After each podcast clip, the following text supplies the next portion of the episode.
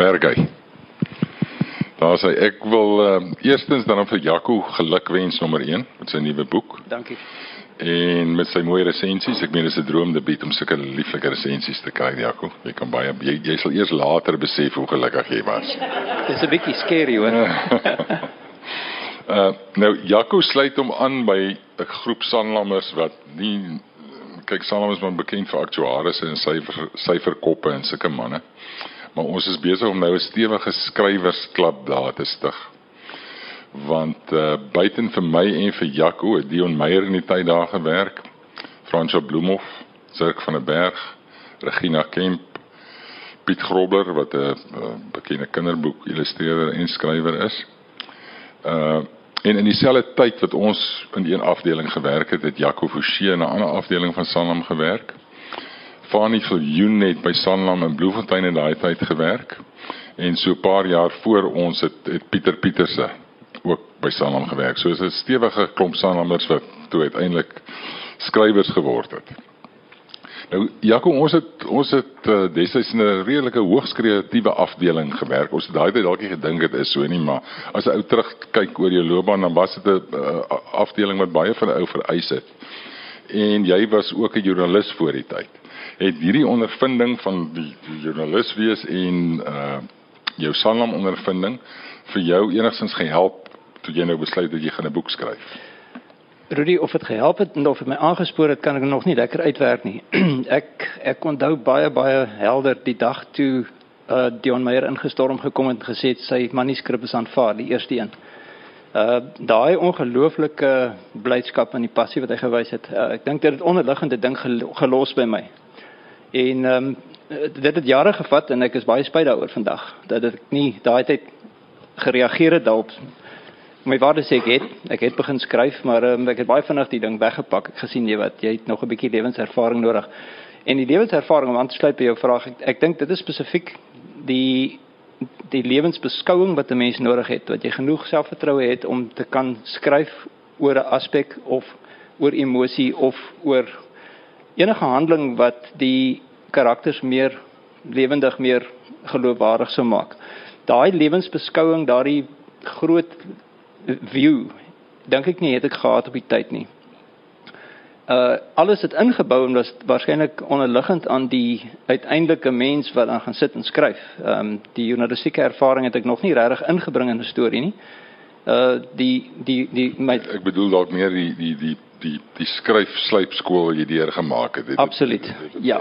Ja, tegnies uh uit 'n tegniese oogpunt beslis. Ehm um, Jan Meyburg wat ons kollega was ook het ek sal dit nooit vergeet nie wanneer ek skryf en ek gebruik twee woorde op drie keer na mekaar het hy altyd seker kringe om dit getrek en dit verbind en gesê jy kan nie dit doen nie jy mag nie twee woorde na mekaar gebruik binne in twee paragrawe nie en tot vandag toe as ek dit optel dan dan gaan ek onmiddellik terug en ek en ek korrigeer dit want dit was net so gewees maar da, so daar was 'n dissipline gewees wat wat ek van van meet af aan moes aanleer en mens moet toepas want ons het gewerk in 'n omgewing waar die standaard ongeweldig hoog was. Uh ons het geskryf en uh Wynand Bekes wat die wat die grootendeels die regering van die werk gedoen het of die hoofsub was. Um niks het by hom verbygegaan nie, niks het by Johan uh, by Jan verbygegaan op by Herman ons ons groot baas nie. Um so dit is asof jy in 'n werklike nuuskantoor gewerk het en voor dit was ek in 'n nuuskantoor waar ek onder baie hoër druk gewerk het. Ehm um, was dit by die burger? By die burger het ek in die nagkantoor gewerk en en as ek moet terugkyk vandag, ek dink van al die ondervindinge en al die ervarings wat ek gehad het, is die nagkantoor die opset daar, die geweldige druk, die besluitneming, die die vinnig moet skryf, is waarskynlik die grootste invloed nog ehm um, wat my pers klaar gemaak het as jy mense dit so kan stel. Uh, ek wil net bietjie nog bietjie teruggaan in jou geskiedenis. Ek wil net daai manne se stories van die skool probeer hier inbring nie. Dit vir my gesê het wat ek moet vra wat jou bynaam en sulke goed, ek sal dit nie doen nie. Uh jou dienspligjare. Ek het by in jou onderhoud met uh, Marie Lavita gelees dat het ook 'n ding gebeur wat jou wat 'n vonkie in die agterkop laat ontstaan dat jy nog 'n boek wil skryf. Dis uh, in die in die vir die wat nie die die uh, onderhoud gelees het nie, um, ek was in die lugmag saam met uh, hierdie man hier voor van nie. Ehm um, uh, ek het uiteindelik op die grens ehm um, beland as 'n radiooperateur was. Dit was glad nie ehm um, glamorous of enigiets gewees nie. Dit was iemand wat in 'n banker gesit het en radio radiowerk gedoen het. Maar die groot deel van die werk was om met vliegtye te praat. Dit was baie interessant geweest want 'n groot deel van die vliegtye, die bewegings wat ons daai tyd gehad het in uh, op die grens. En ek was in Burundi geweest, net interessantheid, um, ons het reg in die middel gesit tussen Mapacha aan die een kant in in die Caprivi strook en aan die ander kant was Oshikati en Ondangwa. En dit was so 2 en 'n half uur se vlieg geweest tussen die twee met die tipiese vliegtye. En my werk was om wat ons noem ops normal uh, oproepe te, te ontvang. So as die vliegtuig opstyg, moet hy jou elke halfuur roep op die HF kanaal en hom te sê alles is oukei, ek vlieg nog lekker en dan so. As hy jou nie gebel het nie of ge, geroep het nie, dan moet jy hom roep en aanteken dat hy nog in die lug is. En in daai tyd het ek twee vliegtye nie verloor nie, hulle het geval. En dan moet jy nou jy's nou opgelei om dan te deel daarmee. Jy moet met die die ouens se uh, posisie kry en so aan. So ek het dit baie ernstig opgevat, juis omdat 'n ja. helikopter een keer geval het en die ander keer was dit 'n bosbok geweest wat of 'n kudu geweest wat in 'n trop olifante beland het. Ehm um, en dis nou nie 'n kudu bok nie, dis nou die kudu die vliegtuig. Kudu die vliegtuig. Die een wat nie regtig wou vlieg meer het, hy het letterlik op sy dak geland tussen 'n trop olifante. So ek het dit baie ernstig opgeneem en een aand was daar 'n vliegtuig geweest wat uh, was 'n gewone Cessna geweest wat ons gebruik het vir ehm um, intelligensiewerk. Nou daarvan het ek niks geweet nie en ek was nie veronderstel om te weet nie. En hy het teen 9:00 die aand opgestyg en hy was 2 en 'n half uur Mapacha toe en hy teen 11:00 se kant toe nog niks gehoor het hy toe begin ek roep en hy ou antwoord nie. En toe hy toe roep ek die basis vra ek hulle het, het hy geland en sê nee, waarvan praat jy?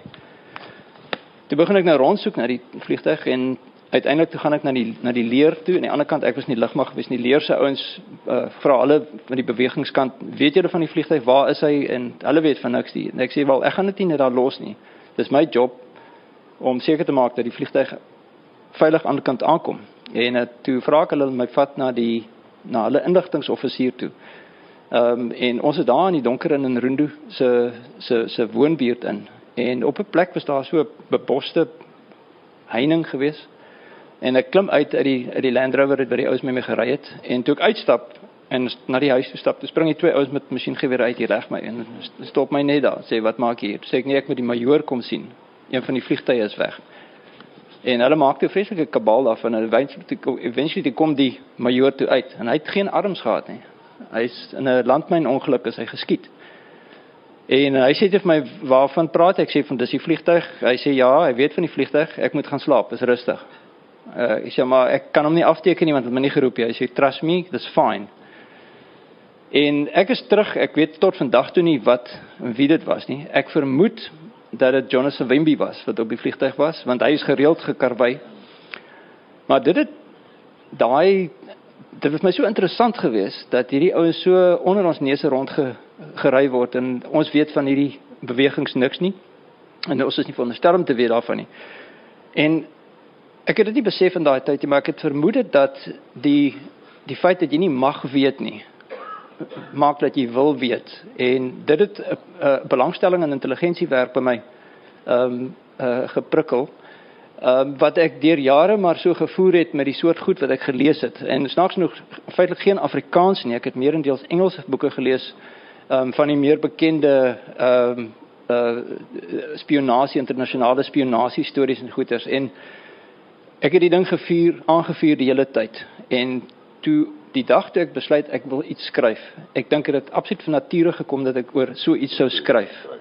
Ja, dit was nie omdat dit 'n gebied is wat ek geken het nie. Dit was ek ek dink altyd ek wil iets skryf wat ek self graag wil lees.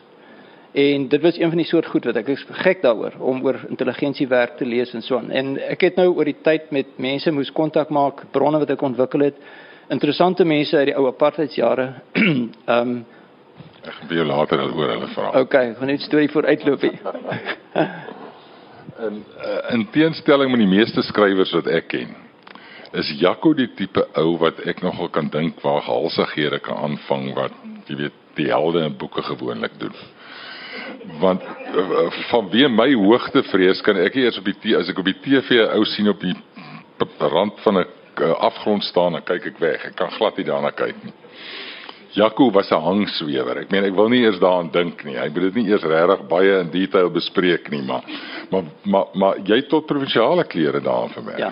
Vertel ons 'n bietjie daarvan. En jy is 'n windsurfer ook. Ja, ek, ek windsurf nou en ek het bang geraak vir die vir die hangswewery. Ehm um, ek ek moet dan net dit dit in konteks stel. Ehm um, twee goed wat ek net moet sê. Ek is baie jammer dat ek my kamoufleerklere aangetrek het vir vandag nie. My vrou het my verbied om dit te doen. Wou jy ook 'n vraag voor uitgeloop? Ek ja, wou nee, ek, ek wou vir jou vra. Jy kry daarvoor. en en die tweede ding is ek is nie teks nie. Um never mind my verlede in avontuursport en sulke goed. Ek is nie teks nie. Ek en ek moet die storie vertel vinnig dat ek um teks is 'n ou wat wat baie capable is. Uh, ek het so verlede jaar was ek ongelukkig die die, die slagoffer gewees van 'n inbraak en ek het 3:00 die oggend wakker geword en afgestap onder na afstand die twee ouens te probeer inbreek by die huis. Nou teks sou hulle met 'n nat koerant kon uitvat. Ek kon nie eens my selfoon druk nie sodat ek gebewe. so ek is nie daai mens nie. Maar die die um, die hangswewery is 'n uh, op paragliding is is iets wat ek uh, begin doen het in die 90's toe dit uitgekom het en dit was baie onveilige sport daai tyd gewees omdat die materiaal wat ons gebruik het, die toerusting wat ons gebruik het net nie goed was nie. So ou moet sekere skills leer om letterlik om te oorleef. Daar was spesifieke prosedure wat jy moes doen as iets fout gaan en so aan. En ek is deur alles. Ek is geskraap, ek is oorgewaai, ek is agter berge in, ek het die hele storie, maar ek het weggekom daarmee en ek het ongelukkig baie van my vriende begrawe ehm um, oor tyd en met die tyd het ek bietjie begin sensible raak en dit toe eenkant geskuif. Maar dis nie ek dink nie mense doen dit omdat jy soos chili eet om jy dit kryf nie. Jy is met ander woorde nie noodwendige adrenaline adrenaline junkie nie. Ek is so bly as ek land en ek is nog veilig. Ehm um, en ek dink dis wat die ouens sê wat wat hoekom stamp jy jou kop teen die muur want dit is so lekker as jy ophou. Ehm um, dis dis een van daai goeters gewees. Ek het ek het nooit dit gedoen. Ek was altyd die adrenaline surge wat jy kry is vir my deesdae te veel. Ek kan nie eers meer vinnig ry in 'n kar nie, dan dan raak dit te erg. Ehm um, uh, uh, uh, en dis e, een van die goed wat ek spesifiek gister raak geloop het in die of raak gelees het in 'n in 'n navorsing wat ek doen vir 'n nuwe boek. Ehm um, oor wat is die spesmagte se spesiale goed wat hulle so goed maak en een van daarvan is die die amper onmenslike vermoë om stres te hanteer en onmiddellik het ek 'n kruisie getrek by my naam. dit werk net nie so nie. Ehm um, maar die die die adrenalinsport is wat die gemeene deler is vir my in die goed waaroor ek skryf is die vermoë of die die die leef so naby aan die aan die edge. Daar's ietsie wat dit in 'n mens wakker maak. Ek dink jy jy voel meer mens, jy voel meer wakker, meer lewendig as jy so 'n uh, 'n uh, nadoodse of 'n 'n naby doodse ervaring gehad het en dit is ek maak dit nou baie erger as wat dit is 90% van die gevalle styg jy op in die land jy sonder enige insidente. Ehm um, maar wanneer dit gebeur dan as jy op die grond kom daar's 'n sekere suiwerheid daarin wat wat baie moeilik is om te beskryf. Maar dit laat 'n mens lewendig voel en ek dink dis die ding wat jy kry. Dis nie dis nie die adrenalien nie, dit is die relevantie van van aan die gang wees en en nog hier wees uh, ten ten ten spyte van die die elemente wat jy teen beklei het. Windsurfing gee my baie dieselfde ding. Ek doen ehm um, wat ons noem uh, speed slalom. Dis maar om te kyk hoe vinnig jy kan gaan.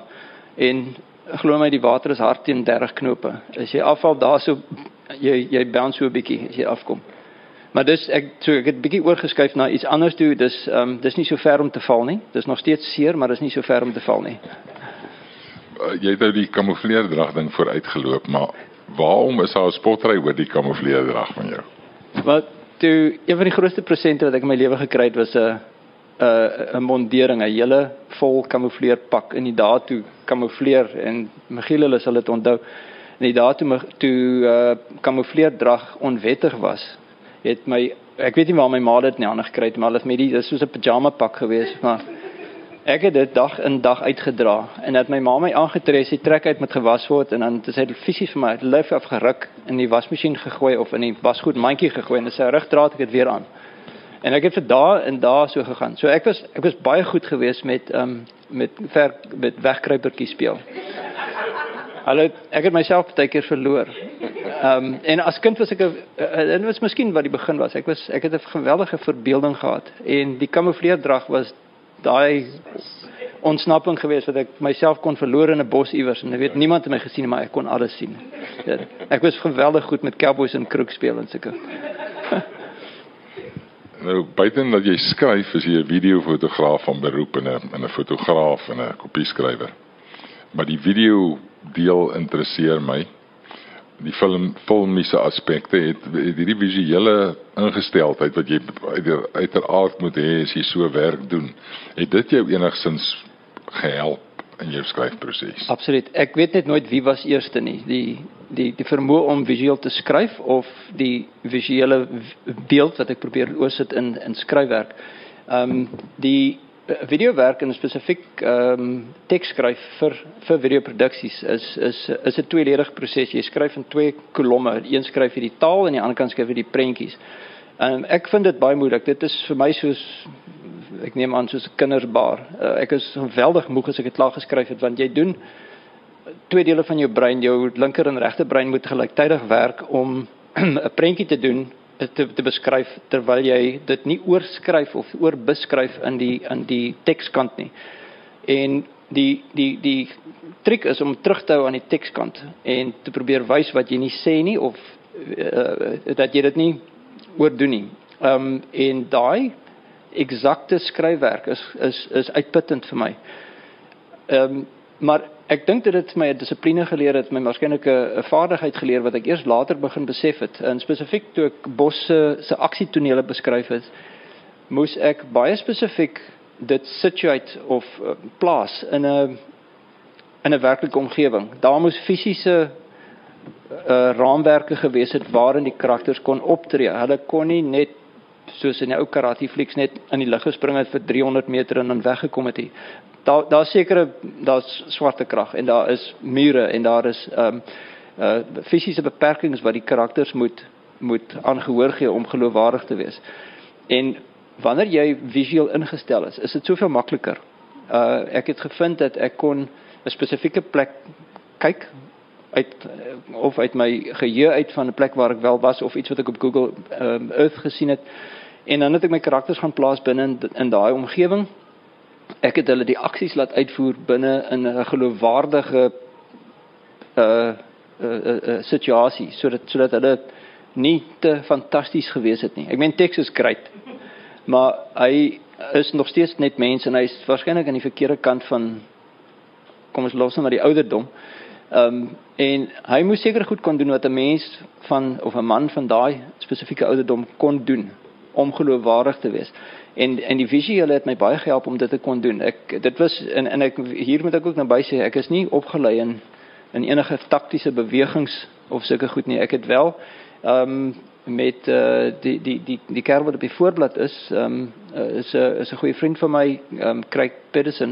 Nou, hy is ehm um, ek gaan hom hy, hy was die soort hy is die soort mens wat opgelei is wat ek kon kon gaan by kers opsteek om dit te doen om by jou boek uit te kom, dan een of ander deur jou boek so 'n bietjie gesels. Ek het iewers gelees, ek kan nou nie onthou waar nie, dat dit jy een of ander aha oomblik op 'n vliegtyg gekry het en besluit het hieroor moet ek skryf. Ja. Wel vir ons. En en dit was net die dit was net die A geweest. Die die die H het, het baie later eers deurgekom en ek het letterlik net die helfte van die storie gehad. Uh ek was op pad Mosambiek toe, ek het in Johannesburg op die lughawe gesit en wag vir die vlug van Johannesburg na Maputo toe en ek tel toe ek het niks gehad om te lees en ek kry toe die boek um Rekkie van uh wat sê dan Koos Ja. En um ek het net begin lees in die boek en ek het baie tyd gehad en ek het toe ek, ek het so ingeval en ek kon net nie genoeg kry nie. Uh Koos het 'n uh, besondere terughoudende manier van skryf wat hy baie feitelik die die die storie aanbied. En dit het my gefassineer en dit, maar dit het nog net hier in die agterkop rondgelê. Die volgende oggend toe ek nou in Maputo begin werk, letterlik die eerste, ek moes gaan foto's neem van 'n klomp goed, onder meer 'n klomp geboue van die buitekant af en ek het 'n fikser gehad wat my rondgery het. Sy naam was Fausto wat ook in die boek uitgekom het as een van ek het mense se name nodig gehad en hy was nou maar ongelukkig hy. En Fausto het my daar rondgery en van die een van die plekke wat ons toe uitkom toe ek by die gebou staan en ek begin die foto's af te neem van die gebou, dis nog voor die son opkom. Spring daar weer 'n ou met 'n AK47 uit en so grys pak klere aan. Hy sê nee, jy kan nie dit doen nie. En hy vat my paspoort en hy ja vir Fausto weg. Ek nou op man alleen daar staan. Ek het nog nie begin werk hier word hulle gearresteer. En dit was die begin van 'n klomp sulke gevalle gewees wat nou nie dat gearresteer is nie, maar jy sien oral mense met AK47s rondloop. Ek was absoluut verbuister geweest. Ons ons is nie in in in ons samelewing Suid-Afrika, ons is 'n hoogs gemilitariseerde omgewing, maar ons is nie naaste by so blootgestel aan weermag oorverte uh, weermag uh, teenwoordigheid nie. En dit het my opgeval, ek kon nie verstaan hoekom dit so is nie.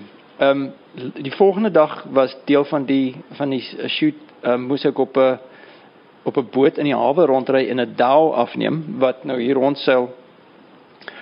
En die op 'n afryry vat ons toe in 'n deel van die hawe in wat ek dink nie baie mense sien nie, veral nie van die hoek wat ons dit kon sien nie. Jy's dit is regtig in die nywerheidsgedeelte van die hawe en so aan en ek besigheid so gekyk.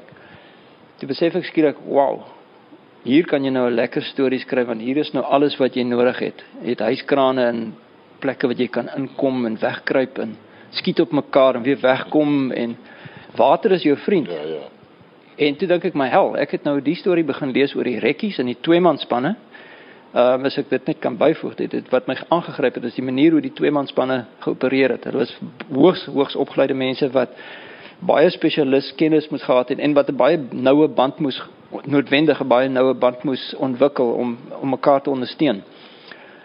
En dit in die agterkop en hierdie fantastiese tonele voor my en toe raak ek mal dit neem ek net foto's. Dink ek okay ek moet hierdie goed nou onthou. En dis nou een van die goeie dat ek net later 'n visuele verwysing het om te kan gaan. En ek het by die huis gekom met my vrou mal gedryf en sê ek het 'n plan ek gaan 'n boek skryf ek weet nog nie waaroor dit gaan nie. En elke oggend oor koffie in die bed moes sy net maar sit en aanluister hoe die plot nou lyf kry en vorm aanneem En die die vorm was en ek hoop ek loop nou jou vraag vooruit weer nie. Die die die vorm wat dit begin aanneem het was ek het net die idee gehad van hierdie twee ouens wat se paie skei na jare want ek moes hulle terugbring. Ek kon nie skryf oor die Bosoorlog nie. Dis dalk nie meer so relevant nie of niemand onthou dit nie. Ek moes dit in die in die in die hede plaas. En hoe kry ek dit nou reg? Hoe kry ek nou reg met die storie met Renoster stropery? Maar that was it. Ek het nie 'n klou gehad van hoe ons sou verder gaan hier vanaf nie. En dis een van daai ek dink van daai angswekkende oomblikke wat jy begin skryf jy is nou committed. Jy is halfpad. Jy sal onthou ek het in 'n stadium vir jou 'n e-mail geskryf geskryf groot help. en jy het jy het gesê gaan net aan. Ehm um, die die storie het soos wat ek die karakters begin ontwikkel het, het die storie begin ontwikkel. Ehm um, en God dank daarvoor want as ek dink nie 'n mens kan soveel goed voor die tyd beplan nie. Dis goed wat dit gebeur het want dit is wat die karakters sou gedoen het. Ehm um, so jy jy het nooit met 'n raamwerk gaan sit voor die tyd en gesê okay, dis hoe die storie gaan loop en dis waar op daai punt moet ek uitkom nie en dit is die draai jy die storie het maar ontwikkel soos jy ook geskryf het. Uh, absoluut en en uh, dit was regtig angsbevange oomblikke geweest wat ek het geskryf tot op die punt van ek het geweet tot op die punt wat teks moet vir Carlos gaan uithaal. En dit was dit. Wat daarna sou gebeur het ek nie geweet nie, maar ek dink ek al get to it. Weet ek toe begin ek net skryf om nou eers net die nie die geesdrift te verloor van die eerste deel nie en in die lekkerte van die skryf en toe soort van soos daai ou wat gespring het en toe weet hy nie waar land hy nie. Maar toe land ek. Ehm um, en die die landwerk was nie altyd so gemaklik nie. Ek het op 'n paar klippe getrap en gestruikel. Ek moes teruggaan, ek moes gaan goed verander. Ek het 'n paar keer gate in die plot gesien wat ek dink ou hel, ek hoop nie iemand anders wat dit lees draak en teruggegaan en dit weer gaan verander. En dit op die einde het dit baie komplekse storie geraak want ek het besef elke keer as ek 'n laag bygeskryf het, dat ek besef maar hang on, dit, iemand anders moes geweet het van die ding om te gebeur. Wie is dit? En nou het ek nie klou gehad wie dit was nie. Nou het ek nou weer teruggegaan stukke gaan herlees. Besef ek okay, agter hierdie ou is daar nog 'n verskuilde mag. Ek gaan dit moet bybring. En dit was dit was eintlik soort van 'n 'n speurverhaal in reverse gewees. Ek sou dit makliker gevind het in in in in as ek nou terugkyk om by die einde te begin het en sê maar hoe kon ek sou nou skaak speel en agteruit gaan tot jy by die die plasing van die van die stukke kon kom in die begin. Ehm um, maar dit was 'n dit was 'n uitstekende leerskool geweest. Ek het ek het besef twee goed wat ek geleer het is dat jy kan nie die plot totaal beplan nie, dan raak dit meganies want jy probeer om by 'n punt uit te kom. En die tweede ding is jy moet nooit 'n karakter se ontwikkeling onderskat nie. Ehm um, en, en en dis een van die dele wat ek wat ek die uh die meeste geniet het was om sekere karakters net het net gebeur. Dit was nie ek het 'n helikopterpilot nodig gehad en ek het een gou goed daar ingeskryf en toe ek my oë uitvee, toe vat die ou bladspasie op. En ek kon hom nie keer nie. En hy het Jan Botha het net oorgeneem. Hy was net hierdie onkeerbare uh optimistiese planmaker en en maar dit was wonderlik en toe ek eers sien hang on hierdie hierdie ou is besig om homself in te forceer in my in my uh in my voorgrond dan toe staan ek terug sê ek okay gaan maar gaan bos en en hy het en en en hy het soos 'n 'n vars bries ingebring in die boek vir my. Hy het vir my die selfvertroue gegee om bietjie terug te staan in die karakters, los hulle laat hulle hulle ding doen. Moenie so 'n control freak wees nie. En dit ek is baie geneig om dit te wees. Ehm um, so ek hoop in die volgende boek kan ek dieselfde doen. Uh die maar dit mag ek seker nou nie oor praat nie. Nou dan moet jy praat daaroor. Uh Jaco die die die skryfproses self. Ek lei af hier dit baie geniet en dit is mos 'n lekker deel van skrywe. Die grootste skok dink ek vir enige debutant skrywer is sy daai keerverslag terugkry en besef maar hy het nog hier baie baie werk aan hierdie ding. Was dit vir jou ook 'n skok? ek ek het nie, ek het nie geweet van die bestaan van 'n keerverslag nie. Net miskien net vir die mense sê. Mag ek? Ehm daar is aandadig geweest aan hierdie volgende storie. Wat 'n keerverslag is soos wat ek het verstaan nou uit 'n leuke oogpunt uit is, is jy skryf jy skryf hierdie hierdie manuskrip en jy is baie trots op jou babietjie en jy stuur dit aan vir 'n vir 'n arme ou wat daar moet deurploeter. Hy kyk net 1 2 3 blaaie daarna en stuur dit aan vir iemand anders wat betaal word om krities te wees. En dit is aangestuur na 'n paar mense toe en 'n maand later verskyn die boek op die rak. Uh, ja, sure. en die die, die uh, dit dit het 'n lang ruk gevat. Ek dink dit meer as 'n maand het wat gevat voordat ek enigstens weer gehoor het daarvan en toe kom hierdie verslae terug, maar dis dis dis sulke stukke papier en ek het my mos dood geskrik. En ek het dit so versigtig begin lees en dit weer neergesit en dit weer so begin lees en weer neergesit en toe sê ek maar mm, dis nogal vleiend hier o ja hierso sien hy deur my en weet daar's nogal nice goed geweest. En toe besef ek wat wat eintlik aan die gang is. Dit hulle het nie net 'n keer verslag geskryf, hulle het my gesê gaan verander jou boek, maar doen dit so en hier's die handleiding. En ek het dit fisies langs my gaan neerplak en ek het deur dit gegaan en dit afgemerk elke keer as ek 'n ding gaan doen. Dit was waarskynlik die handigste ding wat enige nuwe skrywer kon kry in daai stadium van my lewe. Dit was ehm um, ek het elementêre foute gemaak. Ek het totale beginnersfoute gemaak wat ek toe ek doen, weet daai moments gehad waar jy dink wat die hel het jy gedink? Ehm um, en daar was baie goed wat ek dink vir my miskien maande of jare sou geneem het om uit te vind op op die harde manier. Wat net vir my gesê is doen dit so en ek okay en toe gaan doen ek dit so en toe vloei dit net. Dit was die dit was die beste ding. So ek het twee keer verslaag gehad en ek het dit gebruik en ek het dit nog steeds en dit is dis my handleiding vir vir suksesvol omgaan met 'n storie. Ehm um, ek ek dink ehm um, Jonathan jy moet dit eintlik ehm um, publiseer. Bring dit uit in boekvorm asseblief.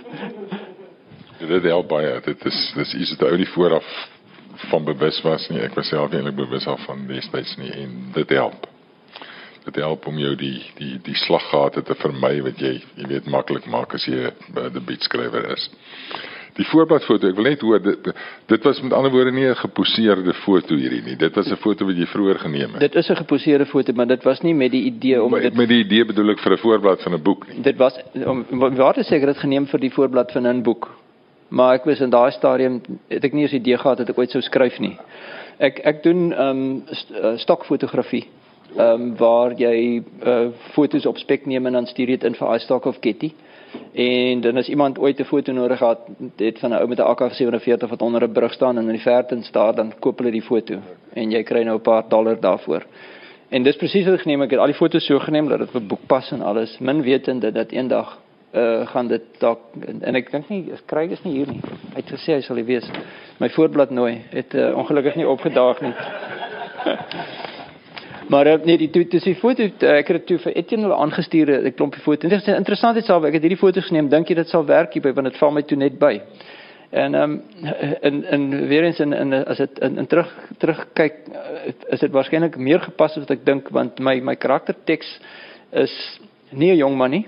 Ehm um, hy is waarskynlik aan die verkeerde kant van 90 kg ook uh, so, so ek kry is nie hier nie so kan dit sê hy ehm um, hy, hy het verskriklik baie kommentaar gekry oor die ding. Ehm um, uh, maar die dit het baie goed gewerk. Dit is 'n soort van die atmosfeer van van die die die geheimenis van wegkyk en goed oorgedra die die geheimenis van intelligensie werk. Die die die die stilte of die wegsteek daarvan het dit nogal vir my redelik en, en waar dit sê ek dink Etienne het daai spesifieke foto gekies. Ek het net vir my klomp gestuur en het gekies en ek het gesê reg ek ek kan saamleef daarmee.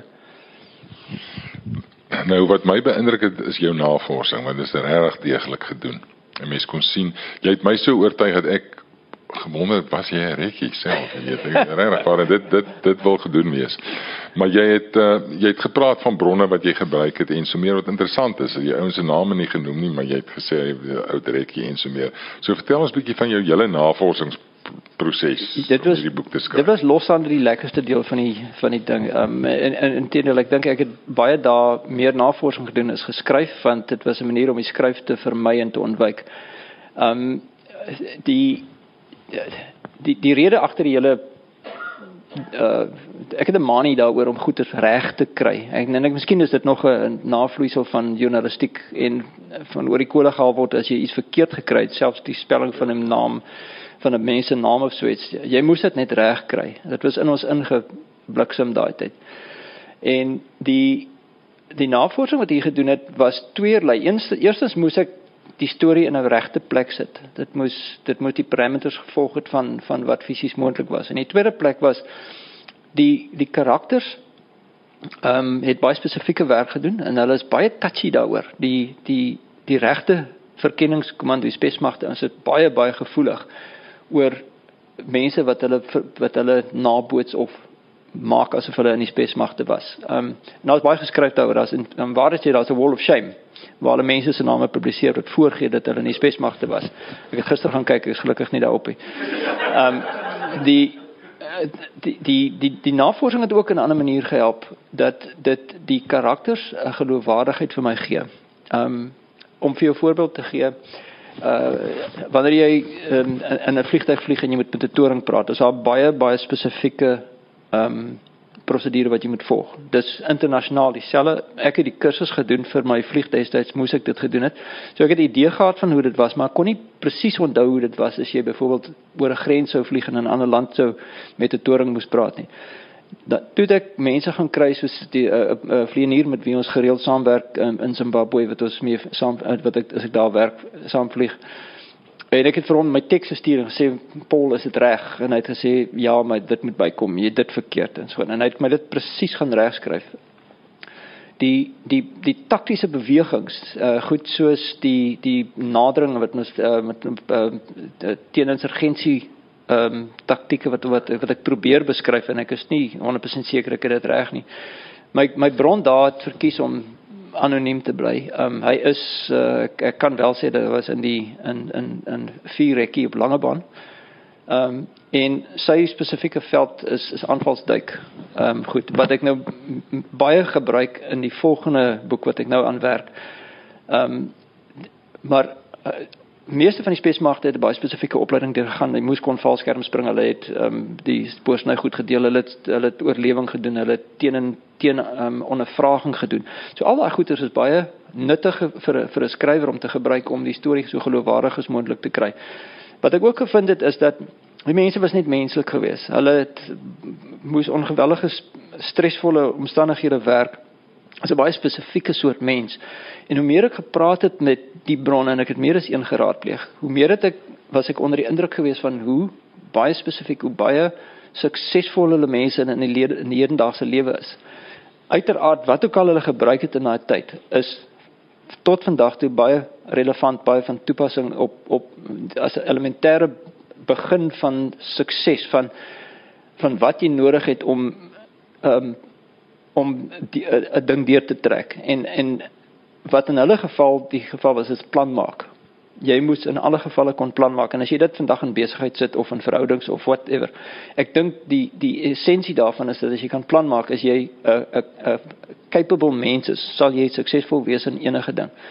En dit was iets wat ek kon terugneem na die karakters toe om by die situasies waar hulle was en ek het my paar keer ek moet bieg, ek het my paar keer vasgeskryf waar daar net te veel akas in my kop was en ek dink dat ek moet buite staan met 'n koffie en dink ek okay, hoe kom ek nou hier uit?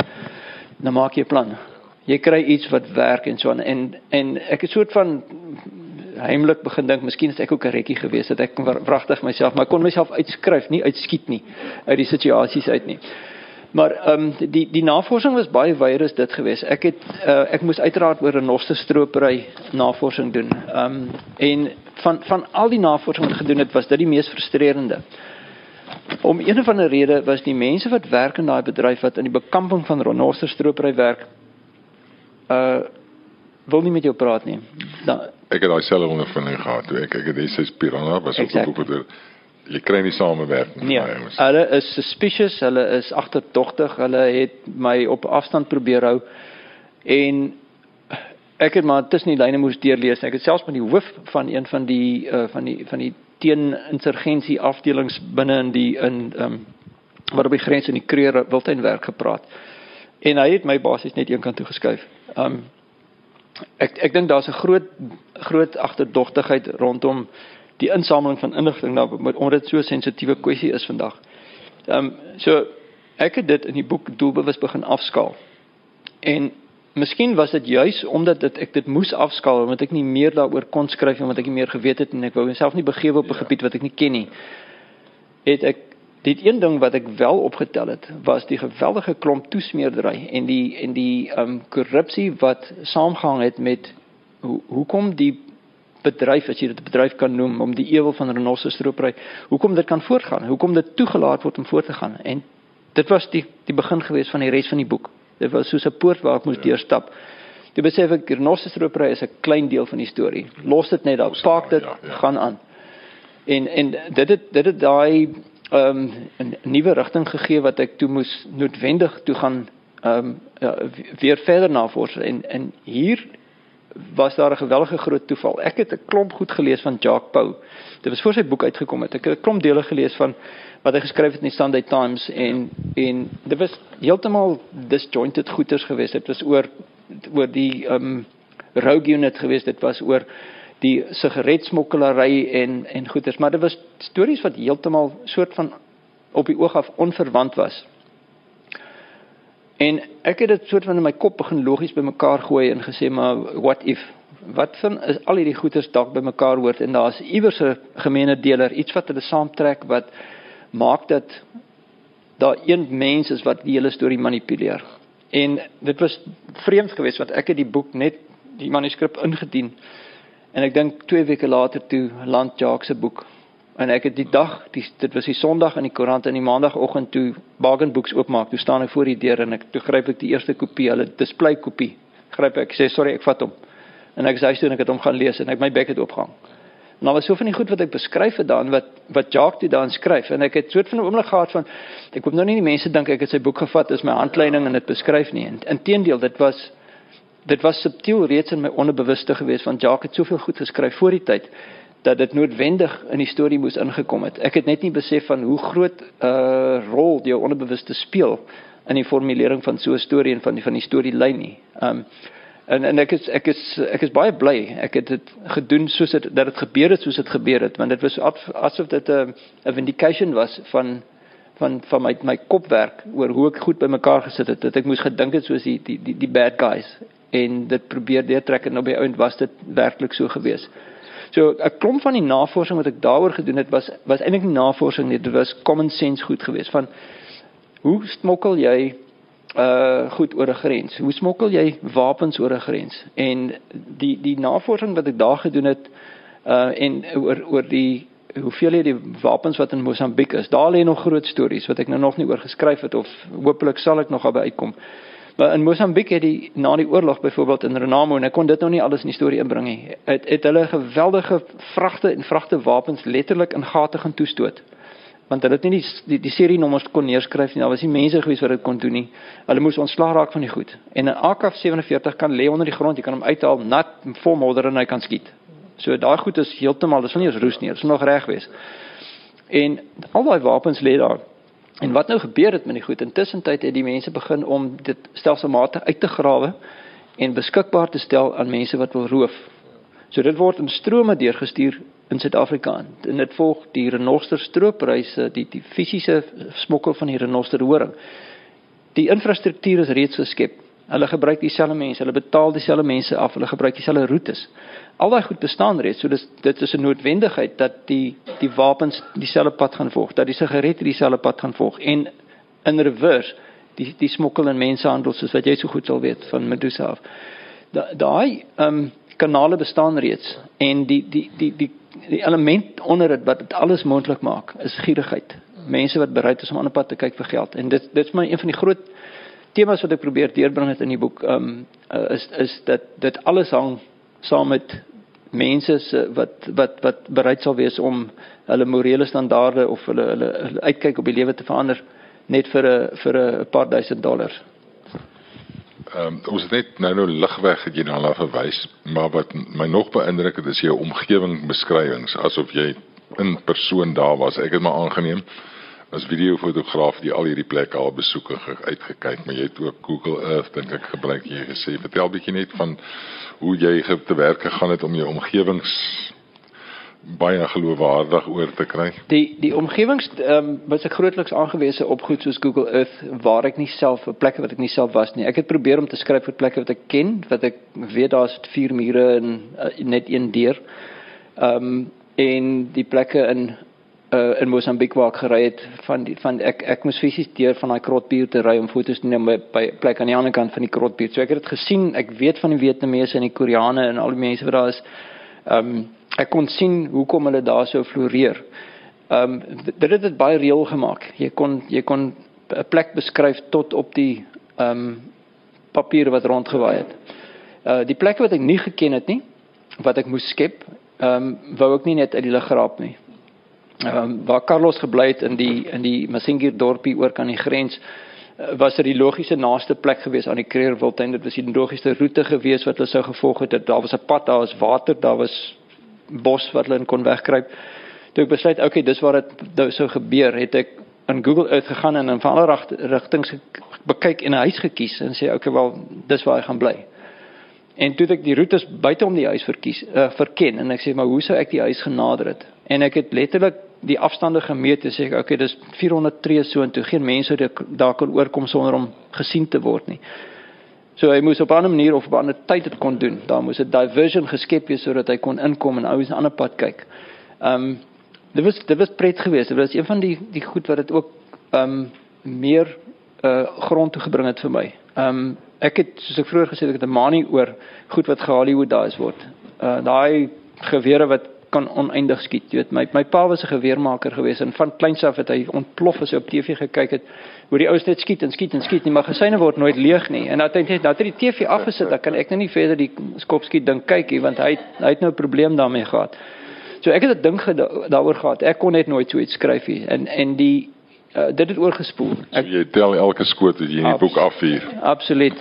Ja, maar maar die die die ouens in spesmagte doen dit ook. Uh, as jy as jy tap tap tap dan skiet jy en jy weet jy het nog 27 ja. oor of wat ook al. Dit is 'n ding wat hulle onwillekeurig wat wat hulle wat wat hulle opgelei word om dit te doen want jy het die hele tyd nodig om te weet wat jou ammunisie vlakke was. Ehm um, die enigste plek wat ek nie was nie is in Polokwane. Ehm um, daar het ek weer eens gegaan en 'n wildtuin gaan soek of eh, 'n uh, reservaatgebied gesoek wat ek weet daar sou noodwendig ehm um, bosse wees waar hulle uh eh, renosters sou kon aanhou. Ehm um, uh, ek het ook die die die lughawe bestaan. Dit is internasionale lughawe al is hy so klein. Ehm um, die die die ehm um, die Mosambiekse gedeelte was ek in die hawe gewees. Ehm um, uh, wat ander plekke het hulle nog rond gespeel uh, die uh, en die in die finale toneel ehm um, die ene wat in die in die township uh, de, op pad in die noorde toe afspeel die het ek nie uh ek was nog nie self daarin nie maar ek het daar ehm um, getrek op my eie ervaring. Ek het in die jaar wat ek die boek geskryf het of in fisies in die tyd wat ek die boek geskryf het, het ek gewerk aan 'n dokumentêre produksie ehm um, vir Universiteit Kaapstad wat ek in al die townships moes ehm um, gaan afneem. Ehm um, die Noon de Slovo Kalicha in in in Houtbaai. En ehm um, ek het die ongelukkige uh ervaring gehad saam met my kollega Ronald die voorsit om in so township aangeval geword. Ehm um, so die uh die die ervaring van die die die mesgeveg byvoorbeeld is is iets wat wat ek moes optrek. Ek het toe toe, toe ons het oorgekom het, is nou niks oorgekom nie, maar ons is getraumatiseer uiteraard. En ek het toe besluit maar ek moet iets aan doen. Ek moet dit in die boek inbring. Ehm um, want ek het 'n groot einde gesoek en ek het nie regtig geweet hoe dit sou gebeur nie, maar toe dink ek nou, okay, 'n mes is is die regte ding. 'n Mes is koue staal. Dis iets wat jy nie weghardloop van nie of is dis iets wat jy probeer weghardloop van want uh, al die instruksiehandleidings oor oor ehm um, uh, uh, gevegte en goed stel vir jou dit baie duidelik ehm um, en dit is is eintlik 'n baie snaakse ding. Ek het 'n handleiding gelees eendag van wat hulle spesifiek beskryf hoe jy mense ontwapen. En daar's hoofstukke en hoofstukke oor as iemand 'n pistool op jou rug, hoe jy dit vat, daai dra slaan teen die kant ompluk en dan so aan. Die hoofstuk oor mesgevegte is een bladsy lank. En dit sê jy gaan bloei. As jy kan weghardloop, hardloop. En as jy nie kan weghardloop nie, vat die eerste sny Ek trek die man nader en vat sy mes af op enige manier wat jy kan. Maar rule number 1 is hardloop. So is letterlik een bladsy gewees en die die die die townships was makliker om te beskryf want ek het vroegoggend moes ek um rondloop en dit afneem hoe taksies inry en uitry mense optel en so aan. Ek het die taxi ek het die die township lewe redelik intiem leer ken. Ek is 8 uur die aand daarin gewees. Ek was 5 uur die oggend in in townships gewees waar dit gereën het, rondgeloop het, ek het deur die ploeters water gestap. Ehm um, dit was 'n dit, dit was een van die mees reël ervarings gewees wat ek kon beskryf in die boek en ek het dit ook so gebruik dat dit in 'n storm situasie was. Ehm um, want dis wat jy baie sien, jy loop rond en alles is nat. Jy die, mense leef in ongelooflike haglike omstandighede. Ehm um, en dis nou, dis dis dis klein steegies waarin jy werk. Ehm um, as enige polisieman wat daar moet ingaan om iets te gaan ontruim of mense te, uh, ek ek sou dit nooit doen nie. Ehm um, en en die karakterteks se se ingaan daarin daai weerhouding van hom om in te gaan. Ehm um, ek het dit probeer oorbring want dit was uh dit was presies hoe dit sou gewees het in in, in die werklike lewe as hy ingegaan het in so 'n onbewaakte plek. Dit sou terrible gewees het om te doen in in in die werklike lewe. Ja, cool. Uh jy praat van jou tweede boek, bly is teks leef hy voort in jou tweede boek. Teks leef voort in 'n derde boek. Ehm um, uh, en die die tweede boek uh, ek ek het in die stadium toe ek toe die eerste manuskrip gelewer het en dit het my eintlik onkant gevang. Ek ek moet beg, ek het uh teks is verkeerde kant van van 'n spesifieke ouderdom. Ek wil hom nou nie te veel plaas nie en ek het met een van die punte van kritiek net is 'n is 'n een kant uh was dat dat daar nie tye en datums in die boek is nie. Dis met opset so want as jy die sommetjies gaan maak vir 'n ou wat in die jare 80 in die oorlog was, sou die tyd van die tyd al sy rugby so verby gewees het. Ek moes teks redelik jonk nog hou. En ek het maar ek is nie voorstander van digtelike vryheid nie, maar dis die een plek in die boek wat ek dit wel gebruik het. sy lewe is so bietjie ingekort. Ehm um, so so teks het 'n beperkte uh raklewe. Ek gaan moet ehm um, skryf voordat hy nou te oud raak, soos met Cassie. Ehm um, as ek hom nog Cassie is ongelukkig al bietjie oud. Hy ek ek sê ja, maar met teks moet nog 'n bietjie rondhardloop. Hy het nie die hy het nie die ehm uh, voorreg om rond te ry en in in sy sy navorsing te doen so nie. Uh die die tweede boek is ehm um, is kom uit dieselfde tydperk uit, kom uit die jare 80 uit en ek ek ek gaan 'n bietjie van 'n waagstuk moet vat om dit te probeer hou in daai tyd. Ehm um, en dit dis 'n gewellige interessante proses want jy moet jouself terugdink in die tegnologie van die tyd of die gebrek aan tegnologie. Jy moet dink aan die die sienswyse van mense, die die geweldige chauvinisme, weet die mense wat op kantore mag gerook het en sulke goed wat jy vandag jy moet dit inskryf en jy kan dit nie meer jy kan dit nie meer in jou verbeelding kry nie want dit is nie net meer so nie. So ek moet al daai goed moet ek gaan letterlik gaan dink hoe was dit in daai tyd. Maar ek kom terug na teks toe um, en wat ek wou gesê het net is dat dit het my onkant gevang die die die karakter het aanklank gevind. Ek het nie gedink 'n ou wat so ver agter die muur oor die muur uh, dat hy dat hy enigstens sou aanklank vind nie. Ehm um, die my kop was dit 'n once off. Maar toe ek aan die einde van die boek kom en hy word toe die ticket gegee dat hy kan dalk nog aangaan. Toe Daar's ook liefde ook. Daar's liefde en dis in die begin, dis in die begin van die van 'n van 'n nuwe van 'n nuwe hoofstuk in sy lewe. Ek het ek dink toe ek daai laaste stukke gepen het, het ek waarskynlik besef nee, ja, ek sou maar weer moet vir vir 'n teks uh, asem inblaas. Hoe ver is jy met jou tweede boek? Eerste weergawe daarvan is klaar. Ek werk deur die tweede weergawe en uh, ek doen nou net soveel skryfwerk as in die eerste weergawe want ek het ek die die gate is nou so groot soos die potholes in ons paaie. Nou ek wou nou jou vir jou 'n stukkie laat voorlees, maar ek is bang Michiel het te veel vrae oor jou kinder oor jou skool daar en ek wil hom nou nie kort week nie. Uh so ek wonder nou as jy dit baie vind want hierdie hierdie deel is so ek hou die baie daarvan om self voorlees as doen nie ek sou nie 'n vreeslike leser nie. 'n 'n leser in terme van 'n stemkunstenaar nie, maar uh as jy hierdie deel net vinnig vir ons kan lees want dit is 'n so ongelooflike goed geskrewe deel net onmiddellik my belangstelling geprikkel om hierdie boek te vat en om te lees. So ek wil net hê jy moet hierdie stuk is so 1 en 'n half bladsye. Wow. Daar's genoeg. Nee, jy kan ek behoort dit vinnig. Jy behoort dit vinnig te kan doen man. Uh terwyl jy blaai ek ek moet sê daar's sekere dele wat dis, dis van bladsy 1 tot tot daar. O, oor die slang storie, die drome en die goeie. Daar was daar sekere dele van die boek wat wat my gunstelinge is wat ek um, ek het so gehoop jy sou dit vra eerder, maar ja. ek dink vir die wat nog nie die boek gelees het, wil ons nie die game weggee. Ons die game weggee, so ek gedink ja. die eerste bladsy is goed. Right. Ja, iemand wat dit nog nie gelees het, want anders is As ek jy gaan ek ja, okay. voor die tyd wat, wat, okay. jy weet wat dit is. kan my bril opsit. Dis nou teks wat praat. Die sagte voetval van 'n MPLA patrollie is duidelik in die nagstilte hoorbaar. Net 'n klip gooi gooi ver. Ekskuus julle, ek moet man nog op dreef kom. Ons durf nie roer nie en tog skreeu elke deel van my wese om te beweeg, bloot te verdwyn in die Angolese bos.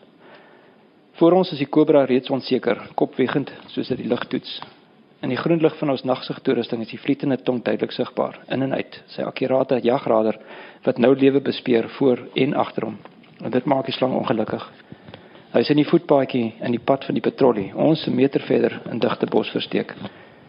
Langs my ou Carlos sy hand verskuwend op. In hemelsnaam dat hy staan net vas. Die patrollie is nou sigbaar, seksie grootte, 10 man. 'n Paar tree weg. Ek is yskoud. Trappel op die slang, of sien hulle dit gaan hulle 'n malskietry ontketen, reg teen aan ons in ons oplê posisie. My hand klem sweterig om die AK47 se pistoolkof. 'n Ongelukkige kobra is baie slegte nuus. Mense wat binne oomblik in die donker daaroor gaan struikel is nog erger. Daar's eenvoudig te veel veranderlikes om te kan beheer. En ritereer ons twee man span se normale modus operandi in sulke gevalle is nie nou 'n opsie nie. Dan kom die voorste figuur tot stilstand, sy hand omhoog, palm na vore. Hy draai sy kop en luister. Ek haal oopmond asem, sag, vlak, angsbevange dat my hartklop wat so in my ore dawer ook elders hoorbaar is. Alles hang stil in die lug, die skril nagluide van ver af, die jakkalse, die krieke, die omlaai, die gekkies wat klankkamouflering bied en dan in afdag in afwagting stil bly asof hulle weet elke sekonde nou die metaalklank van 'n AK47 wat 'n patroon in die kamer skop, die nagkalmte skeer, die reaksie van die kobra, sy veeragtige sydelingse slag, die pyn was soos 'n rooi warm yster deur my skouer brand. Ek verloor die stryd om dit binne te hou, gil so hard en onophoudelik dat dit seker byna die diep soep soep soep van die AK47 smoor. Dan se ek wakker. Dit was net 'n droom. Okay. Sorry, dis 'n bietjie hakerige gelees gewees. Ehm um, Ja, ons is goeie lesers gewoonlik. Ja, ons ons ons skrywer kan nie lekker lees nie. Ons kan nie altyd wil doen nie. ja. Net net jou jou opmerking oor oor uh oor teks. Nou kan ek die ou se naam nie onthou nie, maar dit is 'n Nederlandse uh krimi skrywer wat my gesê het sy hoofkarakter is al 20 jaar lank 55 jaar oud. Hy sê gelukkig kom ouens dit nie agter nie. Vol program gehad. Ja. ja. Uh, enige vrae want ek weet ek weet Michiel wil nou 'n klomp vra oor jou kinders daar, maar is daar iemand anders wat iets oor die boek wil weet? Ek het 'n paar vir jou, Jaco. Ja. Maar sou dit nou wees dit die eerste die titel wat ek onthou by die manuskrip wat ek gelees het, was oorspronklik 'n ander titel. Korrek. Waar die die bos staan en kom en ek dink dit werk fantasties. Die die boek. Uh dan die die tweede vraag gaan oor die verhoudings tussen die die twee manlike hoofkarakters. As jy net iets daaroor kan sê want dit was vir my vreeslik interessant. En dis iets wat jy altyd in 'n in 'n spanningsroman kry nie en dan hierdie ding wat mense half leer so wat jy aangaan van die die verskil tussen show en tell. En daai leerskool wat jy gehad het tussen die eerste drafts en die die latere skryf. Daai laaste een is 'n moeilike een. Uh, wat die wat die titel betref, die die werktitel was Kalangono wat die visie is wat ehm um, uh, Carlos gebruik het as die uh, simbool van ehm um, om om die die die die die sein te stuur dat alles nie reg is nie. Ehm um, dit was 'n vreemde titel. Ek en Etienne uh, Bloemhof het lankal oor gepraat en dit rondgegooi, maar dit het net nie gewerk nie. Dit was dit volksvreemd geweest om te gebruik. En op op die op die ouend het ek ons 'n hele klomp titels oorweeg wat tiks wat net uitgespring het tot ek eendag van Citrusdal af teruggery het en op pad net 'n bevlieging gekry het om gebel het en sê van wat van bos? Toe sê dit kry mense gaan bos. Dis in die bos. En dit was dit. Ons het nie verder gedink daaroor nie. Dit was net so, dit was lekker. Dit pas op 'n bladsy in en so aan. Ehm um, wat die verhouding betref, ehm um, die die band dit is wat ek uit Kostatter se boek uitgekry het die band tussen die mense wat wat die twee span operasies gedoen het uh, net weer konteks te gee dat hulle is inge, ingevlieg in Angola in 20 km weg van hulle teiken af gelos en dan moes hulle stap. En die idee was dat hulle Swapo spoor optel Swapo agterna sit oor die grens om te kyk waar hulle steen kry in Suidwes-Afrika Dis geweldige uh, gevaarlike werk geweest. Hulle moes in swapo klere rondloop, hulle moes swapo wapens gebruik, hulle moes Portugees praat, hulle moes ehm um, deur die dag beweeg, want swapo deur die dag beweeg nie die aand nie. Wat die die kanse vir ehm uh, um, om gesien te word net soveel verhoog het. En die die mense moes mekaar vertrou. Uh daar daar was nie 'n kwessie daaroor nie. Ehm um, in die een storie wat ek vertel het van die, van van Carlos wat die man geskiet het. Dit het werklik gebeur. Dit was een van sy eie makkers gewees. Hy moes 'n punt maak aan die Swapo mense wat hulle ontdek het dat hy is eintlik van Swapo en hy het die man geskiet. Dit het werklik gebeur. Ehm um, die ou moes dit sien kom het. Sy makker moes dit sien kom het en hy het dit laat gebeur. So daar is 'n sekere 'n baie baie noue uh verband of 'n uh, um, uh, verbintenis gewees is, is in, nie, benewens intellektuele, ek dink daar was die mense moes mekaar aanvoel om so iets te kon laat gebeur het. En dit was 'n skokkende ding vir my gewees om te hoor. Maar dit het my net weer onderstreep van hoe hoe werklik spesiaal die mense was. En ek het probeer om daai karaktereienskap en daai ding wat wat Koos so na beskryf het te gebruik as die as die as die voertuig om hulle latere herontmoeting of die probeerslag om mekaar weer te ontmoet uh, te kon kon vas lê. Ehm um, dit as dit nie daarvoor was nie die boek nie gewerk nie. Ehm um, die ouens die ouens wat hier soldate was het gesê well that's too bad weet hy is nou nie moontlik aan die ander kant iemand anders met hom nou maar gaan help. Dit het net nie so gewerk nie. Hy het geweet en Carlos het dieselfde vir hom gedoen het. Uh, dit, dit was 'n spesiale band geweest wat en ek het baie sterk daarop gesteun om die verhaal deur te trek. Ehm um, seker jou derde vraag was oor die die visuele. Ja, daai daai show and tell ding. Ja, ehm um, ek weet nie of ek dit heeltemal afgetrek het nie. Ek ek ek probeer ehm um, en ek vind uh, een van my my irritasies is uh, wanneer 'n mens in Afrikaans probeer skryf en jy probeer in jou dialoog tussen twee mense wat praat om iets mooi te stel dat dit natuurlik klink. Ons sukkel almal daarmee. Afrikaans verleen hom net nie regtig daar daartoe nie. Ehm um, en ek het sover as moontlik probeer om die dialoog te verminder om uh, in 'n situasie beskrywing eerder die aksie oor te dra as wat iemand sê okay nou gaan ons dit doen. Um en dit het eers aan die einde van die boek vir my regtig begin gemaklik raak. Uh, ek ek ek dink na ek die eerste weergawe geskryf het en die terugvoer ontvang het van die keerverslag, het teruggegaan en ek het dit het begin uitspring. Sê ek okay, nie nodig om dit te doen nie. Um en en ek hoop ek verbeter dit. Ek tot vandag toe kom ek agter met die skryfwerk wat ek nou doen is dat daar is nog steeds Jy kan omtrent 'n derde van die boek uitskryf deur kleiner, korter en meer presies te verduidelik wat aangaan eerder as wat jou dialoog wat die boek stadig maak en jou jou jou karakters ehm um, te veel tipeer. Dit moet doen vir jou. Ek hoop dit antwoord. Um, dalk nog tyd vir een kort vraagie, Michiel. enige enige iemand wat nog 'n vraagie het.